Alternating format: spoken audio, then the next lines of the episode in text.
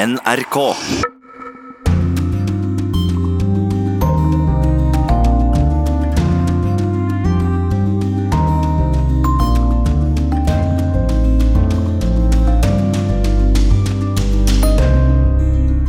President Trump er mer populær enn noensinne og avslutter en historisk uke med å sparke to som vitnet mot ham i riksrettssaken. Men hvem av demokratenes presidentkandidater kan overhodet slå ham? No matter who wins this damn thing, we're all going to stand together to defeat them. I Frankrike har en overgrepsskandale mot mindreårige kunstløpjenter slått ned som en bombe. Og i Kashmir frykter muslimer overgrep fra indiske myndigheter.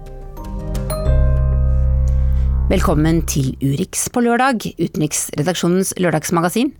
Tove Bjørgaas heter jeg, og dette blir en sending der USA vil stå sentralt. Også podkasten på slutten av sendinga handler om presidentvalgkampen. Men vi skal også til Tyskland og til Vest-Afrika og høre grufulle historier fra slavetida. Men først. Live from St. Anselm College in Manchester, New Hampshire. Here now, Chief Anchor George I natt møttes demokratenes presidentkandidater til en ny debatt bare tre dager før nominasjonsvalget i New Hampshire. Samtidig kom det nyheter fra Det hvite hus, som også ble tema i debatten. President Trump sparker to av sine egne medarbeidere som vitnet mot ham i saken i Representantenes hus. Den ene er Gordon Sunland, som var USAs FN-ambassadør. Den andre er Alexander Windman, som jobbet i, som, eh, var som jobbet i presidentens nasjonale sikkerhetsråd, og også var eh, en av demokratenes viktigste vitner i eh, denne saken. Og dette ble altså tema også i debatten mellom demokratenes presidentkandidater eh, i natt. Eh, kollega og korrespondent i Washington, Veronica Westrin, du fulgte den debatten. Eh, Hva var det som festet seg hos deg? Spenningen var jo allerede på forhånd knytta til det som kan bli den eldste og det som kan bli den yngste amerikanske presidenten. Og i natt var det nettopp Bernie Sanders og Pete Buttigieg som var målet for angrepene. Og det gikk da på ideologi og erfaring. Og jeg vil kanskje si at spesielt Buttigieg ble en skyteskive under nattens eh, debatt. Uh, we need that kind of unification when our nominee is dividing people with a politics that says if you don't go all the way to the edge, it doesn't count. Are you talking about Senator Sanders? Yes. And we got to bring young people into the political process. I'm very proud that in Iowa, we won the popular vote by 6,000 votes. What was most significant, most significant is we increased voter turnout for young people under 29 by over 30%. Er det noe annet du vil trekke fram? De var jo innom en rekke temaer som helsepolitikk, opioidkrisen, våpenlover, abort, rasisme, klima og barnefattigdom. Eh, Men det var valgbarhet eh, det startet med, og som preget store deler av denne debatten. Eh, Det begynte med et spørsmål til Joe Biden, som startet med å gi et lite spark til mayor Pete. Han sa at han tross alt var ordfører i en liten by.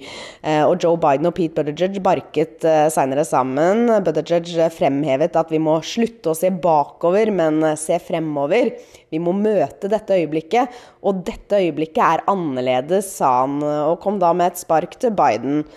Og Amy Klobuchar hun sa at eh, Trumps mareritt er en kandidat i midten, og viste til at det er henne selv. Og senere så gikk også hun til angrep eh, på mayor Pete. Eh, Det var etter at han kritiserte Washington og lovet forandring fra utsiden, litt sånn som Trump egentlig har gjort. Um, og um, vi har en nykommer i Det hvite hus. Se hvor det brakte oss, svarte da Klobuchar. Donald Trump's worst nightmare is a candidate that will bring people in from the middle. The people that are tired of the noise and the nonsense, and they are tired of the tweets and the mean stuff, and they are looking for someone else. And I would submit uh, that that is me. Hun roste også en av de to som mistet uh, jobben sin i dag, uh, vitne Alexander Windman. Uh, også Joe Biden benyttet anledningen og fikk salen til å stå opp og klappe for han. I think we should all stand and give Colonel Vindman a, a a- show of how much we supported him. Stand up and clap for Vindman. Get your, get up there. Det er eh, dem vi er, vi er ikke som Trump, sa han. I morgen så reiser du til New Hampshire, der det altså er nominasjonsvalg på tirsdag. Hvordan tror du det blir etter all uroen denne uka? Det blir kjempespennende. Um, nå er all fokus retta mot eh, Pete Buttigieg og Bernie Sanders. Og Joe Biden, hva skjer med han? Selv så sa han jo under debatten i natt at det ikke gikk veien hans i Iowa. Og han tror han vil få problemer også i New Hampshire. Det har rett og slett vært en historie, en uke det vil bli skrevet om i amerikanske historiebøker. Valgkaoset i Iowa var bare starten. På onsdag så rev demokratenes kongressleder Nancy Pelosi talen om rikets tilstand i to, like bak president Trump på talerstolen, og på torsdag så ble altså Trump frikjent i riksrettssaken. Bare én republikansk senator stemte for å felle ham. Bernt Hagtvedt, professor i statsvitenskap ved Bjørknes høgskole. Du har fulgt USA helt siden du studerte der for mange tiår siden. Hvor står det amerikanske demokratiet etter denne uka? Jeg tror vi må begynne med å si at eh, Trump er den første antidemokratiske presidenten som er valgt. Tidligere i amerikansk historie så har vi jo sett at eh, ytterliggående høyrekrefter, og venstrekrefter, men primært høyrekrefter, er blitt eh, eliminert. Wallace, McCarthy. Når det er sagt, så syns jeg vi ikke bør glemme at han systematisk har snakket ned demokratiske institusjoner. Han har lagt seg ut med sikkerhetsapparatet. Men kanskje aller viktigst er at han jo har fylt det føderale eh, dom, domstolsadministrasjonen med sine egne folk, og på den måten gjort noe veldig alvorlig. Svekket tredelingen i amerikansk politikk mellom utøvende, rettslige og lovgivende. Det mener jeg han har ødelagt, så å si gelendrene, kulturen som holder amerikansk politikk og amerikansk demokrati oppe. Det syns jeg er det mest alvorlige. Og på toppen av dette så kommer altså rot i begynnelsen av demokratenes nominasjonskamp. Hva, hva, betyr det i den konteksten som amerikanere lever i nå? Det er selvfølgelig et inntrykk av amatørskap. Og veldig uheldig. Ingen hadde regnet med at Buttigieg ville komme først. Alle hadde regnet med Biden. Men mine venner i USA har hele tiden sagt Biden vil få problemer. Og selv om det er mulig at han vil være den beste til å slå Trump, så er han for gammel. Liksom. Og det samme med Sanders. De har jo ikke noen skikkelige kandidater som kan slå. Det er eh, relativt marginale typer her, altså. Med unntak av Biden, som jo er for gammel. Biden, han, sønnen hans var jo også på en måte grunnlaget for hele denne riksrettssaken mot, mot Trump. At han skal ha hatt en rolle i et ukrainsk gasselskap. Fattige mangel på dømmekraft. Over. At det er mulig som sønn av en fremtredende politiker å gi seg hen til slike forhold, er, for meg er det, det er en gåte. Det er kanskje konspirasjonsteori, men kan vi tenke oss at, at, at denne saken har, har, veltet Biden som presidentkandidat? Det er for sterkt å si at eh, den har veltet Biden. Fordi Biden har hatt så mange personlige tragedier i sin familie. Jeg tror han har et stort fond av sympati og velvilje på det menneskelige plan. Ehm, men dette er jo en katastrofal mangel på dømmekraft. Jeg forstår ikke at ikke Joe Biden har så å si snakket sin sønn til rette. altså. Trump bruker jo ofte sarkasme som et virkemiddel. Han, han, tuller altså nå i en video med at han aldri skal gå av. Viser en klokke som går framover i tiårene og hundreårene, og så slutter det med Trump forever. Eh, hva betyr det når en president gjør noe sånt? Det er ikke morsomt engang. Hvis du ser i litteraturen, så er det mange eksempler på folk som leker med tanken om at han etter et tapt valg i 2020 erklærer nasjonal nødvergetilstand at han tar makten. Han, han, vil kunne si valget er stjålet. Det er the deep state. Han er full av konspirasjonsteorier. Han vil eh, påpeke feil i opptellingen i, ulike grupper. og Han sier nå er tiden internasjonal samling, og han vil da ta makten. Det er selvfølgelig utopisk og, og, kanskje ikke så sannsynlig. Men det er jo mange som snakker om at uh, kupp er en mulighet. Det er vel første gang det i det hele tatt er reist blant folk som følger amerikansk politikk, muligheten av et kupp. Altså unntakstilstand. Han har jo selv spøkt med det. Jeg syns ikke det er morsomt å spøke med sånt. Men Bernt Hankvedt, du har holdt de siste årene et veldig populært foredrag om fascismen. Er det mulig å se for seg at USA kan få et autoritært regime? Nei, altså, de, de grunnleggende makrohistoriske betingelser for fascisme i USA er ikke til stede. Trump selv er ikke fascist. Fascister i Europa var revolusjonære. De mente at fascismen representerte den eneste utgangen på den økonomiske og sosiale krisen i mellomkrigstiden. Trump er pengemann. Plutokrat. Han er ikke revolusjonær. Eh, nazismen la veldig vekt på en slags sosial utjevning. Eldreomsorg, autobahnbygning, både Italia og Tyskland. Trump er jo ikke i nærheten av et slikt program. Det er ikke noe egalitet hos ham, annet enn verbalt. Han sier han skal støtte arbeiderklassen, men det er jo ikke noe som tyder på at han følger opp i praksis. Gjennom skattelovgivning er han ekstremt inegalitær. Trump er ikke fascist, og det er grunn til å advare mot den språkbruken. Han er en pengemann. Vi skal videre til Tyskland etter dette. Hvordan påvirker disse strømningene i USA nå europeisk politikk? Det er riktig å si at Trump har legitimert, eller gjort mulig, å komme med synspunkter på rase, på immigrasjon, på det liberale demokratiet som ville vært utenkelig for 10-15 år siden. Han taler demokratiske institusjoner ned, og bare det faktum at han snakker om pressen som en folkefiende Han er så uvitende at han vet ikke at han bruker nazibegreper. At han snakker om pressen som en folkefiende. At han utelukker CNN. Nå ser vi i London nummer ti. Boris Johnson utelukket deler av pressen der. Heldigvis så reagerte pressen kollektivt, og alle forlot. Men det er en autoritær, illiberal tendens som henter støtte og næring fra Donald Trump. Tusen takk for at du kom hit til studio i dag.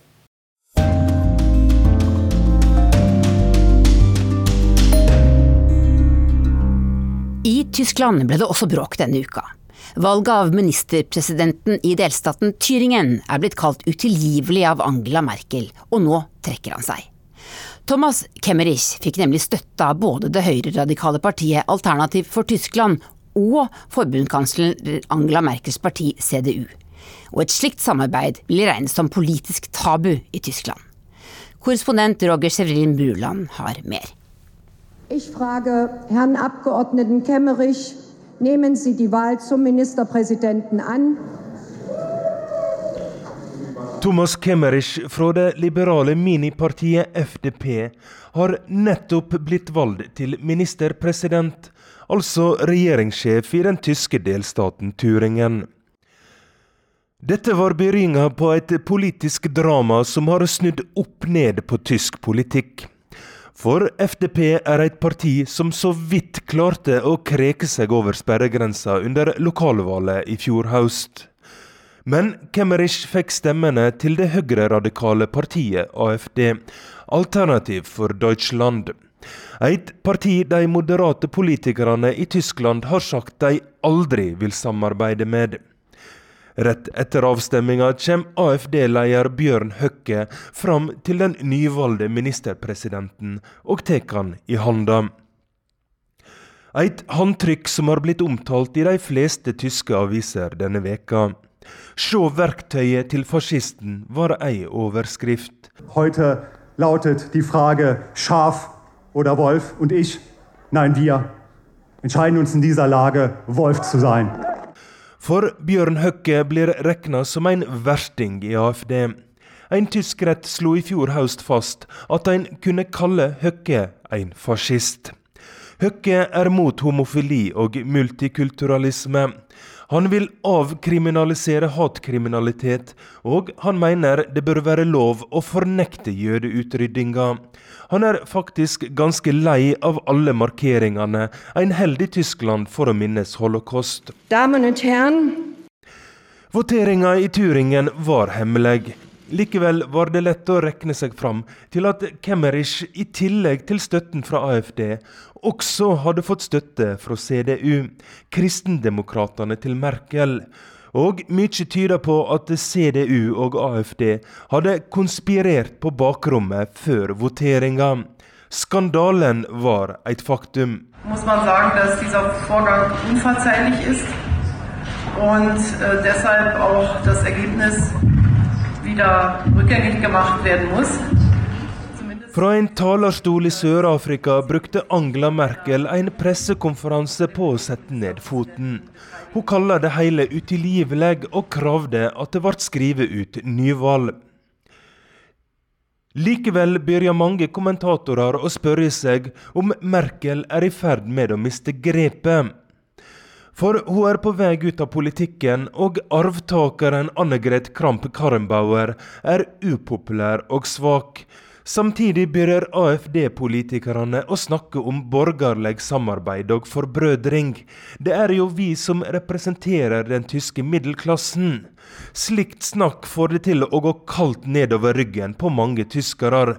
Einar Byrja drar parallellen til 30-tallet og brunskjortene. Gegen den fascismus, Alle sammen! Gegen den fascismus, Alle! I flere tyske byer har det vært demonstrasjoner mot landdagsvalget i Turingen.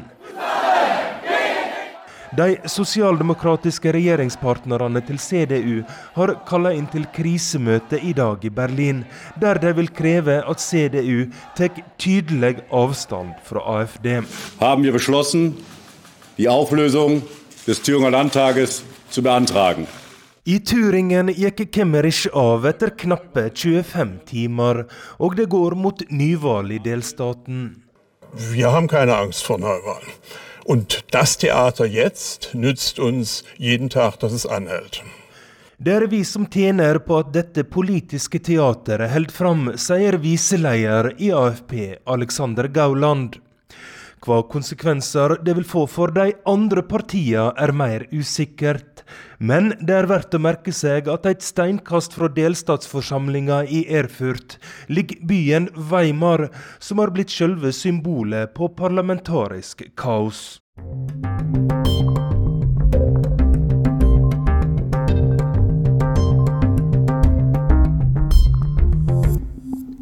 I Frankrike blir en omfattende overgrepsskandale nå rullet opp. Vi skal inn i kunstløpssporten, der mindreårige jenter i mange år ikke har våget å fortelle om treneren som skal ha voldtatt dem. Reporter Johan Tolgert har møtt urolige mødre utenfor en ishall i byen Viry. Si toi ça t'arrive, si on te touche à un endroit où on n'a pas le droit om noen rører er på et sted på kroppen som man ikke har rett att berøre, ja da skal ni genast si til en voksen. Så her har Magali informert sine to døtre angående seksuelle overgrep. Il faut surtout venir en parler euh, à un adulte. Just nu er de 11 og 12 år gamla jentene inne på isen og tränar kunstløp. Varje dag följer flera mammor med sina barn till ishallen i Viry, 30 kilometer söder om Paris. Det stannar under hela träningen så barnen inte ska kunna utsättas för sexuella övergrepp. Mamman Christelle har länge hört talas om kunstlöptränaren som utsatt minst fem jenter för övergrepp. Mannen var i många år landslagsledare. Apparemment tout le monde le savait. Den idag 44-åriga isdrottningen Sarah Abitbol anklagar tränaren för sexuella övergrepp som inträffat för 30 år sedan. Hon har skrivit en bok, En så lång tystnad, och som har slagit ner som en bomb i Frankrike. C'était la première fois qu'un homme me touchait. Första gången en man rörde vid mig var när min tränare våldtog mig. Jag var 15 år berättar Sarah Abitbol för tidningen Le Parisien som lagt ut intervjun på Youtube. Som bäst vann Sarah Abitbol och partnern Stéphane Bernardi silver i EM 2002 och 2003. Flera kunstlöpare hävdar nu att alla visste men ingen vågade tala. De var rädda för att tränaren skulle förstöra deras karriärer.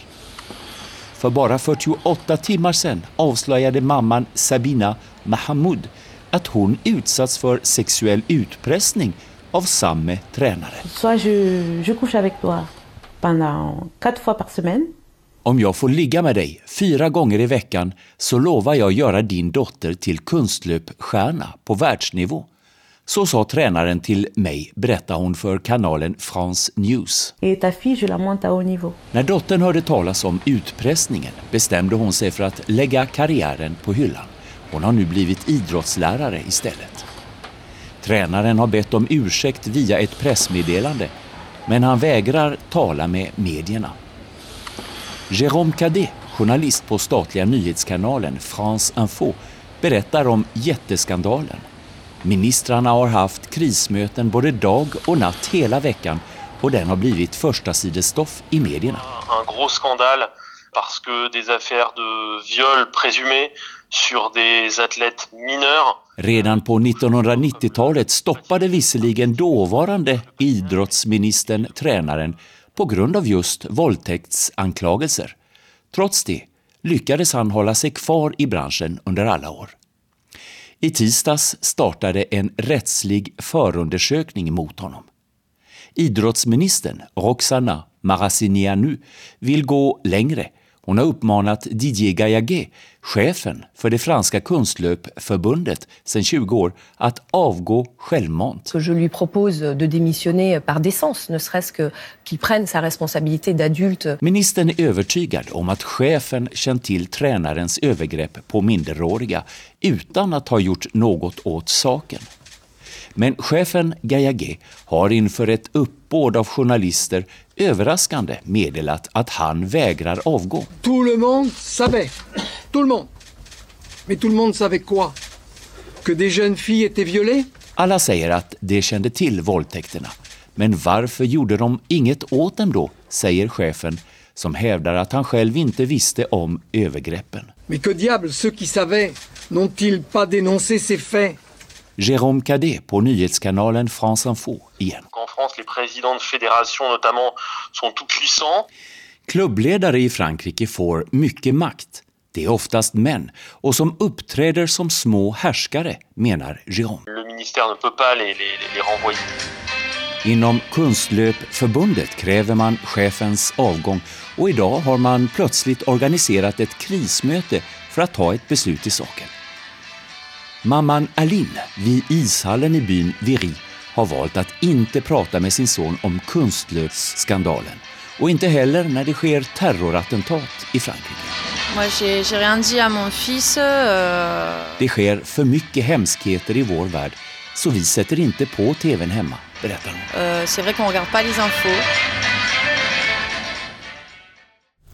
Vi skal til Kashmir og konflikten som er hovedårsaken til det bitre forholdet mellom India og Pakistan. Indias statsminister Narendra Modi har hisset på seg muslimer på begge sider av grensen. For å hindre opptøyer har indiske soldater holdt kashmirerne under oppsyn, arrestert kritikere og stengt internett. Korrespondent Sissel Wold har vært på besøk. This is the this is a part of a shell, part of a bomb. Dette er en del av en granat, sier Ober, engelsklæreren vi treffer i landsbyen Jura. Han viser frem en rund metallsak som han fant etter angrepet som slo ned her midt i hovedveien. Jura ligger i den vakre Nelumdalen med utsikt til skogkledte åser og høye snødekte Himalaya-fjell. Men kasjmirerne i dette lille samfunnet på 6000 sjeler er redde for hva de indiske soldatene bare fire kilometer unna kan finne på etter at de angrep her sist oktober. I think I think there's the foolishness of Modi will take this war to nuclear war. Jeg er redd statsminister Modi vil styre oss mot atomkrig. Og ingen kan rømme fra en atomkrig. We if we send message of peace, then the Modi should be Indias statsminister burde heller sende oss et fredsbudskap, sier læreren. Han har på seg den tradisjonelle klesdrakten shalwar kamis i lys farge og en svart jakke over, for det er litt kjølig nå, selv om solen skinner her 2000 meter over havet. Vi besøker stedet sammen med offiserer fra den pakistanske hæren. Yes, ma'am. It continued for six hours. Six hours? Six to eight hours. There has been so much damage. Angrepet varte i seks timer, forklarer representanten fra militæret. Mens vi går, tråkker vi på grus, glass og biter av betong. Flere fra landsbyen viser oss de ødelagte husene, blant dem landsbyens skole. I am a teacher. I teach the little kids Barna kan ikke gå på skole nå, sier læreren. Og han spør hvem som skal hjelpe dem med å reparere alle ødeleggelsene. En annen mann hamrer nye trelister på taket sitt. Han forsøker å fikse hjemmet sitt så godt han kan. På veggene ser vi tydelige sår etter de indiske granatene. Abdul Rashid, en eldre mann med hvitt skjegg, hvit pashtunerhatt og en brun vinterjakke, peker mot et tomt, grått betongskall. Der var hjemmet hans. Nå er det lagt helt i grus. Dette huset tilhørte meg og mine tre brødre, og vi hadde 20 rom der inne. Da inderne begynte angrepet midt på natten, tok vi barna og løp så fort vi kunne for å redde livet. Angrepene var intense, og siden da greier ingen helt å slappe av her, sier Rashid, som frykter nye granatangrep mens de sover. Dragkampen om Kashmir er like gammel som delingen av den britiske kolonien India i 1947. Kortversjonen er at siden flertallet av innbyggerne i fjellandet er muslimer, mente Pakistan at Kashmir burde tilhøre dem. Men fyrsten som regjerte over Kashmir i 1947, Maharajan som var hindu, valgte å knytte seg til India. Etter to kriger ble partene enige om en midlertidig grense, den såkalte kontrollinjen. Og det er her vi står nå, på en pakistansk militærpost. Vi ser rett på et lite grønt hus, der indiske soldater holder vakt. Vi kan se silhuettene deres der de beveger seg bare 200 meter unna oss. You are so close to the Indian soldiers. You can see them. Do you have any contact with them? No, we don't. Uh, we do everything with the consent of our headquarters. Men vi snakker aldri med dem. Vi kommuniserer bare via en nødlinje til hovedkommandoen vår, forklarer oberstløytnant Suhail fra Pakistans hær. And the hotline is to prevent misunderstandings because that can be very dangerous here. Yes, it is uh, one of the point is misunderstanding. Vi må unngå misforståelser, understreker han. For det kan få store konsekvenser for to arge fiender som begge har atomvåpen. Suhail mener også at dette er verdens farligste konflikt. Yes, I do, because uh, there is no uh, rule or law being honored by our adversary. Uh.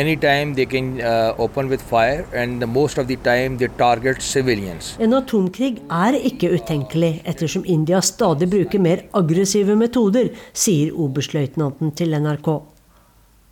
Konflikten eskalerte igjen i desember i fjor, da det indiske parlamentet vedtok en ny lov som gir innvandrere fra Bangladesh, Pakistan og Afghanistan indisk statsborgerskap, men loven gjelder ikke om de er muslimer. Den nye loven har skapt sinne og raseri, og flere er drept i demonstrasjoner mot statsminister Narenda Modi. Spenningen økte også sist høst, da Indias regjering fjernet grunnlovsparagrafen som slår fast at den indiskkontrollerte delen av Kashmir skal ha stor grad av selvstyre og spesielle rettigheter. Med endringen åpner Modi for at indiske statsborgere, les hinduer, kan kjøpe land i indiskkontrollert Kashmir der flertallet av befolkningen jo er muslimer. Do you often worry about the Indian nationalism that we see now? Yes, uh, what is there in uh, Indian occupied Kashmir? Ja, vi er bekymret over den økende nasjonalismen under Modi, også i Kashmir, sier Suhail.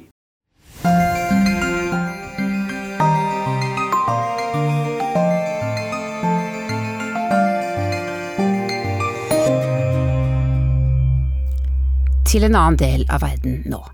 Ukas korrespondentbrev kommer fra Benin i Vest-Afrika. Ida Titlestad Dalbakk har besøkt et dystert minnesmerke ved havet.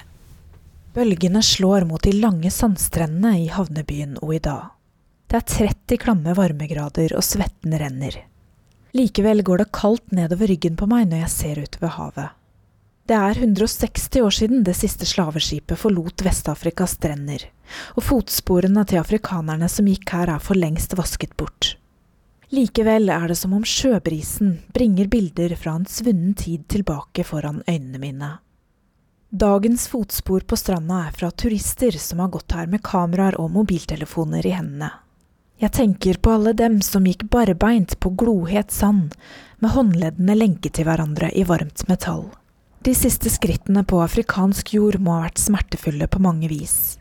Slavene ble pisket hele veien fram til slaveskipet. For hvert skritt de nærmet seg havet, kom de lenger bort fra landsbyen der de hadde vokst opp. Slavene gikk fra besteforeldre, foreldre, kjærester og søsken. Kanskje led noen av familiemedlemmene samme skjebne. Aldri mer skulle de sette sine føtter på denne stranden og se sine kjære igjen. Jeg snur meg mot minnesmerket Door of No Return, som er en stor portal, til minne om alle dem som ble sendt med skip fra Vest-Afrikas største slavehavn. Tanken på at én million mennesker møtte samme skjebne på akkurat denne stranda, er vanskelig å forstå. Noen timer tidligere setter vi oss i bilen sammen med guiden Agbenonsi Francois Magloire. Vi skal kjøre den fire kilometer lange veien som slavene måtte gå til fots for å komme fram til havet og slaveskipene.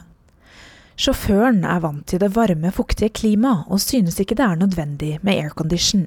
De 400 årene slavehandelen foregikk, fantes det verken biler eller klimaanlegg.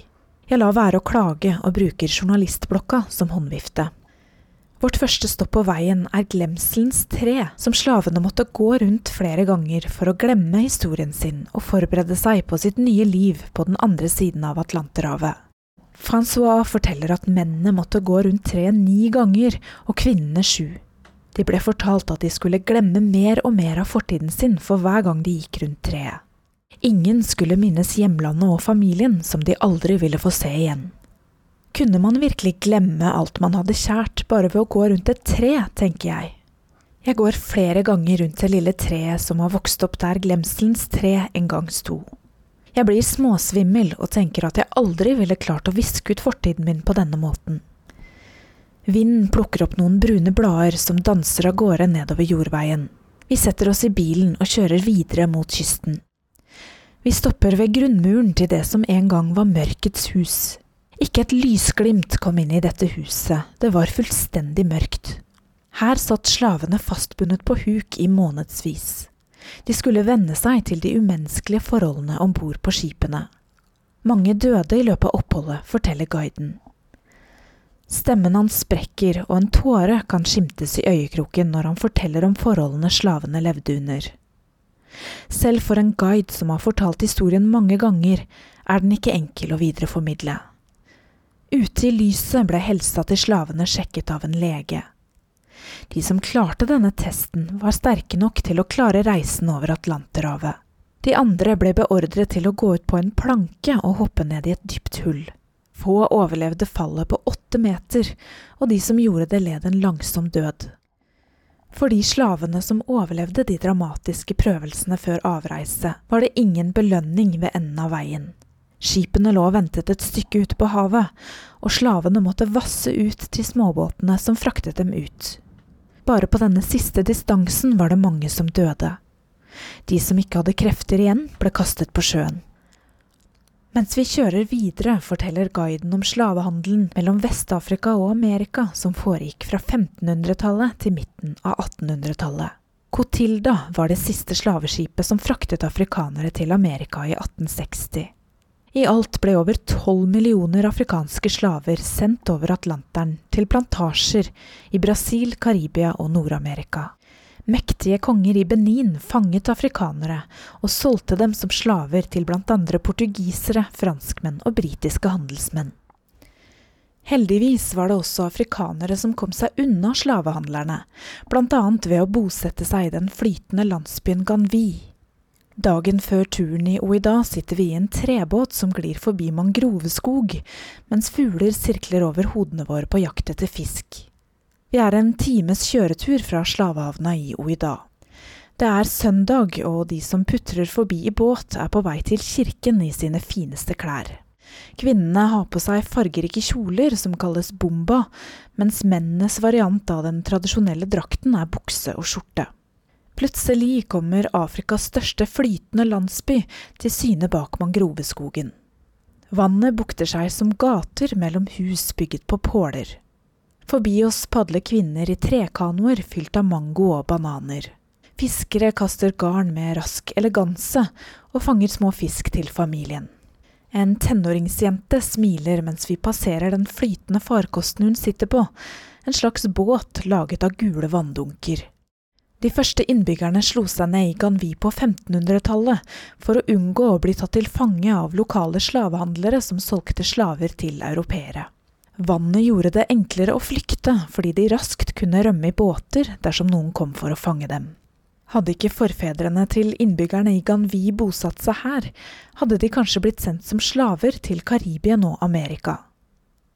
Det var vannet som reddet innbyggerne i den flytende landsbyen. Samtidig var det havet som fraktet så mange andre til et liv i fangenskap. Vi har kjørt fire kilometer og kommet fram til enden av slaveruta. Jeg svetter i de svarte joggeskoene, og føttene synker ned i sanden for hvert skritt jeg går ut mot havet. Jeg lurer på hvordan jeg selv ville reagert hvis jeg fikk lenker på hender og føtter og skulle tilbringe resten av livet på en sukkerplantasje. Menneskene som gikk her må ha funnet en styrke og en overlevelsesevne dypt inni seg selv som de kanskje ikke visste at eksisterte. Jeg tørker svetten av pannen og går tilbake mot bilen.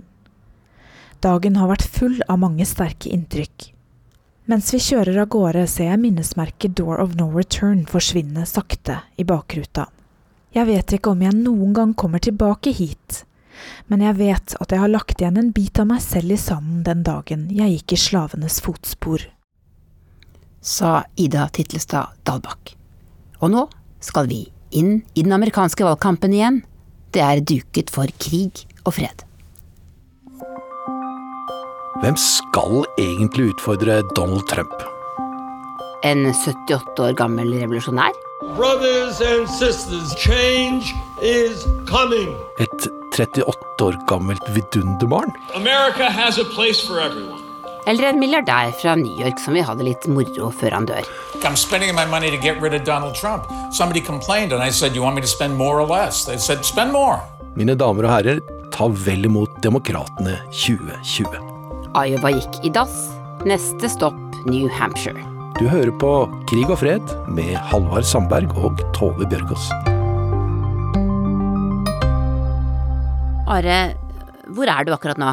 Nå sitter jeg på et hotellrom i Exeter, New Hampshire, etter en lang, lang reise fra Iowa. Jeg heter Are Togvold Flaten, redaktør av Amerikansk politikk, som også har en podkast som heter 2020 om dette presidentvalget. Jeg har kalt deg for en politisk eh, nerd før, men du har fulgt denne, i hvert fall denne nominasjonskampen både fra Norge og fra USA flere eh, ganger, eh, og er opptatt av detaljene. Hva er det du er mest opptatt av akkurat nå? Nå er jeg mest opptatt av uh, hvordan kampanjene, særlig til Pete Buttigieg uh, og Elizabeth Warren, uh, bygger videre på det som skjedde i Iowa i, da, her i New Hampshire. Altså hvordan de på helt lokalt nivå eh, mobiliserer velgere, og hvordan de kan da samtidig eh, vise til økt pengeinnsamling. Eh, for da håpe også å klatre litt på meningsmålingene. Så det er disse detaljene som følger med, og det er jo ikke mange dager igjen.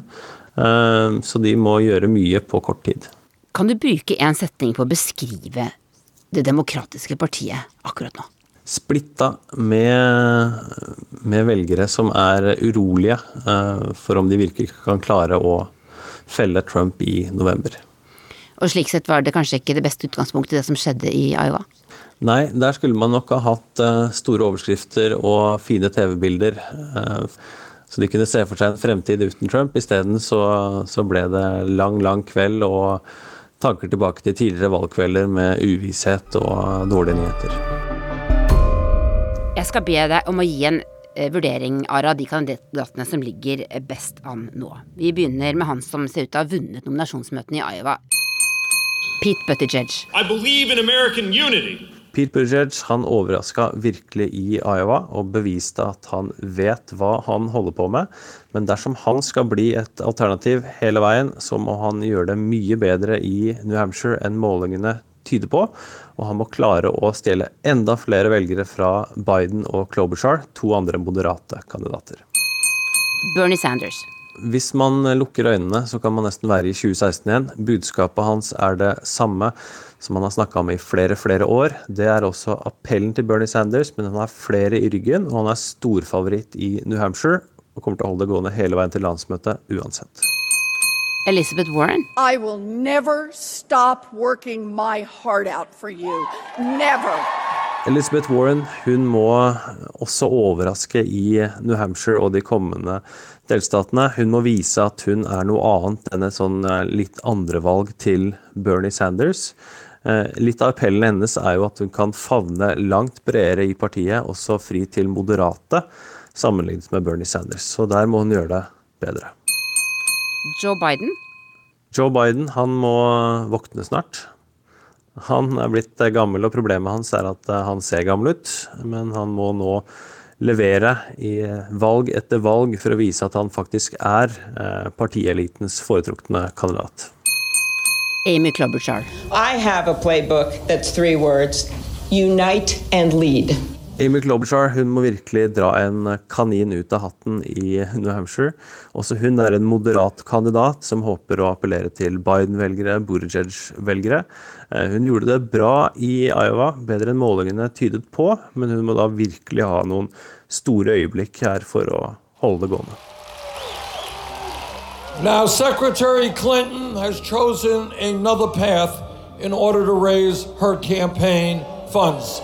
Bernie Sanders er den eneste av årets kandidater som også prøvde seg for fire år siden. Da hamret han løs på Hillary Clintons forhold til eliten på Wall Street, og holdt koken helt til nominasjonsvalget i California i juni. Den 78 år gamle senatoren kaller seg sosialist, og meldte seg inn i Det demokratiske partiet først i 2015. Han sier imidlertid stadig at målet hans er en politisk revolusjon i USA. So, brothers and sisters, yes, together we will defeat Donald Trump, but we're going to do more than that. Our message to Wall Street and the insurance companies and the drug companies and the fossil fuel industry and the military industrial complex. Our message to them is change is coming. Ja, han er en populist. Eh, han er ikke redd for å gå i clinch. Han har ikke noe behov for å, for å på en måte søke eh, vennskap utover nødvendige politiske allianser. Eh, han er ikke fyren som gidder å bruke tid på å ringe folk og gratulere dem med dagen. Der har du litt Bernie Sanders, at han gidder ikke holde på med sånn bullshit eller relasjonsbygging. Han, han bullshit vil, eller relasjonsbygging. Ja. Jeg heter Reidar Strisland, uh, har skrevet boka 'Bernie Sanders og det nye USA' og driver bloggen uh, detnyeusa.com. Jeg jobber som organisasjonssekretær i Rødt. Reidar, er det en slags forbindelse mellom Bernie Sanders sin valgkamp og Rødt i Norge? Vi har hatt litt kontakt eh, gjennom mitt arbeid med, med Bernie-kampanjen for, for, fire år siden, hvor jeg fulgte, fulgte etter han og, og skrev bok. Så fikk jeg litt kontaktnettverk der borte. Eh, så noen av de som eh, er sentrale i Sanders-kampanjen nå, de har tidligere vært i Norge og, og, hjulpet oss litt. De har lært oss litt opp i sosiale medier, eh, og også lært oss noen triks for hvordan vi skal engasjere frivillige og, og den typen ting som de er veldig, veldig gode på. Det er en slags det er en tekstmeldingsteknologi som Bernie Sanders-kampanjen mm. bruker. Kan du, kan du fortelle litt om det? Ja, det er, en, eh, det er en, app som heter ThroughText nå, eh, som, eh, som kan brukes av frivillige til å sende ut tekstmeldinger fra en PC, hvor du sender ut meldinger til 300 mennesker av gangen, men hvor, hvor den blir personliggjort hvor det står 'Hei, Reidar', 'Hei, eh, Tove', eh, osv. Eh, hvor, hvor du kan starte en dialog eh, med velgerne. Eh, så, så, den brukes eh, til å oppnå en første kontakt med velgerne. Og så kan man finne ut, eh, hvis de responderer og sier at de ja, jeg vurderer å stemme på Bernie Sanders, så vil de seinere ta kontakt, f.eks. på dør, dørbesøk osv. Men er dette en app hvor du kan på en måte tekste personlig da med velger, eller er det liksom en datamaskin som tekster med det? Nei, Det er du som gjør det. Så det er, her er det frivillige som sitter og, sitter og tekster. Du får kontakt med en frivillig i Burning-kampanjen som, som, du kan du stille spørsmål mm. til? Ja. Du skal reise bortover du til USA nå. Mm. Hva skal du gjøre? Uh, jeg skal følge valgkampen, men jeg skal også være med, med kampanjen og, og, forsøke meg på dørbanking sjøl og uh, ja, kjenne på stemninga. Hva kan du fortelle om den armeen av frivillige som, som Bernie Sanders-kampanjen har bygd opp? Det er jo en, eh, en helt enorm eh, kampanje. De første uka når Bernie annonserte at han skulle stille på ny, så var det én million som meldte seg som, som frivillige. Eh, og, og, det ser du også nå. Eh, at eh, nå er denne basen organisert. Så du, du, visste da at når de meldte seg, så var det ikke sånn at alle begynte å gå dør til dør dagen etter, men, men du visste at de ville komme når, når, valgkampen ble dratt i gang. Og nå tror jeg det er 1,2 eller 1,3 millioner som, eh, som, er noterte som frivillige. da. Hvem er det som er med i dette frivilligkorpset? Hva slags mennesker er det? Eh, det er alle slags mennesker, men eh, mange av de er jo unge, da. Det er folk som uh, har mye studiegjeld, som uh, må jobbe én eller to jobber på si for å, for å, få livet til å gå rundt, som ofte ikke har råd til et eget sted å bo, hvor de, mange av de er nødt til å bo hos foreldrene sine til de er over 30. Uh, så, så, det er folk som Når de så Bernie Sanders i 2016 og også nå, så, så ser de at det er en som for det første snakker sant. Eh, han, eh, han holder ikke noen for narr, han, han, sier ting som det. Og også at han eh, har en politikk som gir svar på, på utfordringene i livet deres. da. The people of the United States are sick and tired of a massive level of income and wealth inequality. Uh, hvor langt til venstre vil du si han står, hvis du skulle prøve å sette han inn i et norsk parti? Det er veldig vanskelig å si, fordi eh, Bernie Sanders er pragmatisk. Han er en pragmatiker. Så når han, når han stilte i, i, 2016, så stilte han på et eh, valgprogram som var radikalt i en amerikansk kontekst. Men han pusha ikke grensene lenger enn det han trodde var, var innafor hos befolkninga. Nå har han tatt nye steg til venstre i mange av de eh, programforslagene som han kommer med. Eh, som f.eks. Eh, i denne Green New Deal, denne grønne industrirevolusjonen som han har foreslått, så eh, foreslår, foreslår, han bl.a. å nasjonalisere deler av energisektoren i USA. Eh, og da, da, kommer man inn på områder som, som er mer radikale enn det, enn det, en del norske partier ville, ville gjort, da, for, for, å si det sånn. Eh, så, som vil at staten skal overta energiselskaper? Ja, deler av energisektoren. Hmm. Det høres uh, veldig radikalt ut uh, mm. i en amerikansk kontekst. Mm. Mange sier at han, han kommer aldri til å bli president i USA. Jeg har det ikke rett? Han er en veldig populær karakter i amerikansk politikk. Han er godt likt av, av store deler av befolkninga, også, også ganske mange blant republikanerne, og spesielt blant de independence, uavhengige.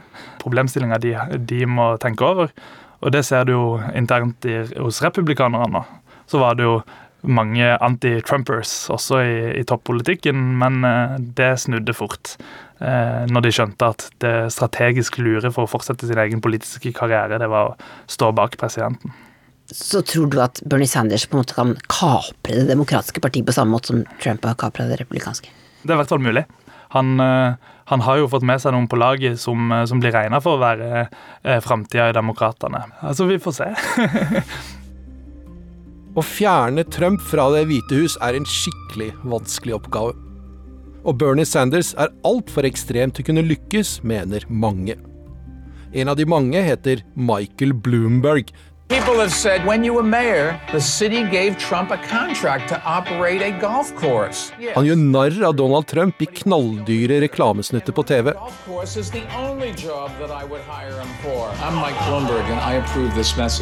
For den steinrike tidligere borgermesteren i New York har brukt mer penger i sin selvfinansierte valgkamp enn alle de andre demokratene til sammen så langt. Og dette til tross for at han ikke engang deltar i de første nominasjonsvalgene. Målet er å sanke en hel haug delegater på supertirsdag 3. mars. Og i Det hvite hus følger presidenten med. Uh, very little. I just think of little. You know, now he wants a box for the debates to stand on. Okay, it's okay. There's nothing wrong. You can be short. Why should he get a box to stand on, okay? He wants a box for the debates. Why should he be entitled to that? I, really? Then does that mean everyone else gets a box? Det er ikke mulig for Trump å ta grep på han. Han har begynt å kalle Bloomberg for Little Michael. Det stemmer at han er ikke så veldig høy av vekst, men det gjør ikke noe inntrykk på Michael Bloomberg. For han ser deg i øynene, og da ser han ut som han er 1,95, og ikke 1,73 som han er. Og så er det ikke et område Trump skryter av som gjør noe inntrykk på Michael Bloomberg. Jeg heter Morten Wetland har vært eh, en norsk FN-ambassadør i fire år i New York mens Michael Bloomberg var eh, borgermester. Det var, jeg kom dit i 2008 og reiste igjen i 2012. Og siden New York har jeg jobbet med rådgivning, og nå er jeg selvstendig. Morten, kjenner du Michael Bloomberg?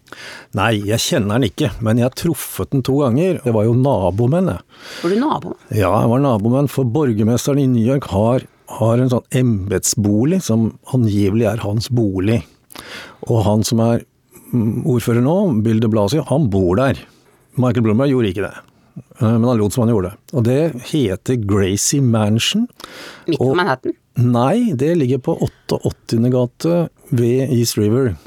Men i 80 Femtegate på Gracie Square T, der bodde Morten Wetland. Så det var liksom ikke nødvendig å ta på seg frakken.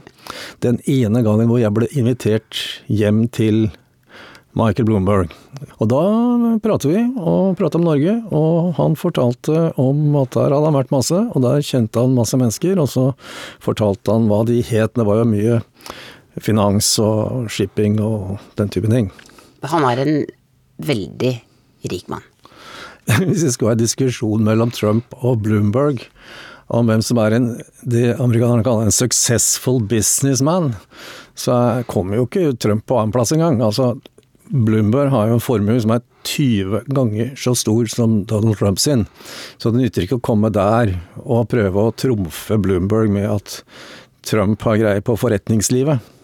Du bodde altså fire år i, New York og var FN-ambassadør på mm. Manhattan. Mm. Eh, hvordan eh, merka du at Bloomberg var borgermester?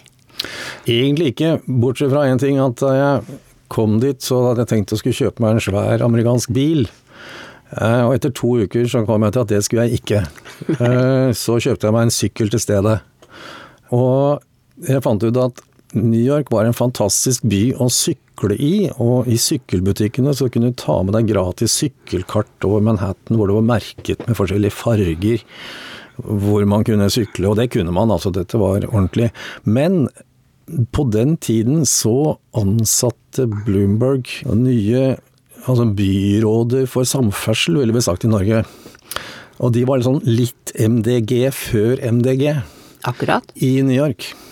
Ja. Så de øh, trakk opp øh, sykkelstier der hvor newyorkerne hadde vært vant til å parkere bilene sine. Så han er opptatt av, av miljø, miljø, og miljøtiltak, rett og slett? Ja, de kaller jo drikkevannet i New York, newyorkerne altså, kaller drikkevannet for Chateau Bloomberg. Fordi det er så innmari bra kvalitet på drikkevannet. Enkelte kommentatorer de siste dagene som sier at dette feltet av demokratiske kandidater er så dårlig at ingen av disse faktisk kan slå Donald Trump. Er det det han, du tror han sitter og, og tenker på? Ja, altså han kan være presidentkandidat uten at han merker det på, på lønnskontoen sin. Han driver kampanje på én måte, det er å kjøpe TV-tid. Det har jo vist seg å være veldig effektivt, og det finnes altså institutter som måler hvilke saker du skal sende ut på eteren i den og den delstaten og den og den valgkretsen for å få mest igjen for den investeringen. Så det, det, er, det går an, men om man kan komme helt i mål som liberal New Yorker uten å gå og banke på dører og eh, få møkk under neglene det, Jeg personlig tror det ikke, men eh, jeg håper han prøver. Men tror du det er for hans egen del eller for landets del at han gjør dette? Nei, begge deler. ikke sant? At vi har eh, en situasjon hvor eh, folk hører på Trump, men det er liksom ingen som sier den derre keiserens nye klær, altså som virkelig sier hvor ille dette er. Vi ser jo at eh, Biden har bestemt seg for å drive kampanje på at han har mm, anstendighet. Også ikke noe annet, liksom. Men at det er en, en, kvalitet som i større og større grad er etterspurt.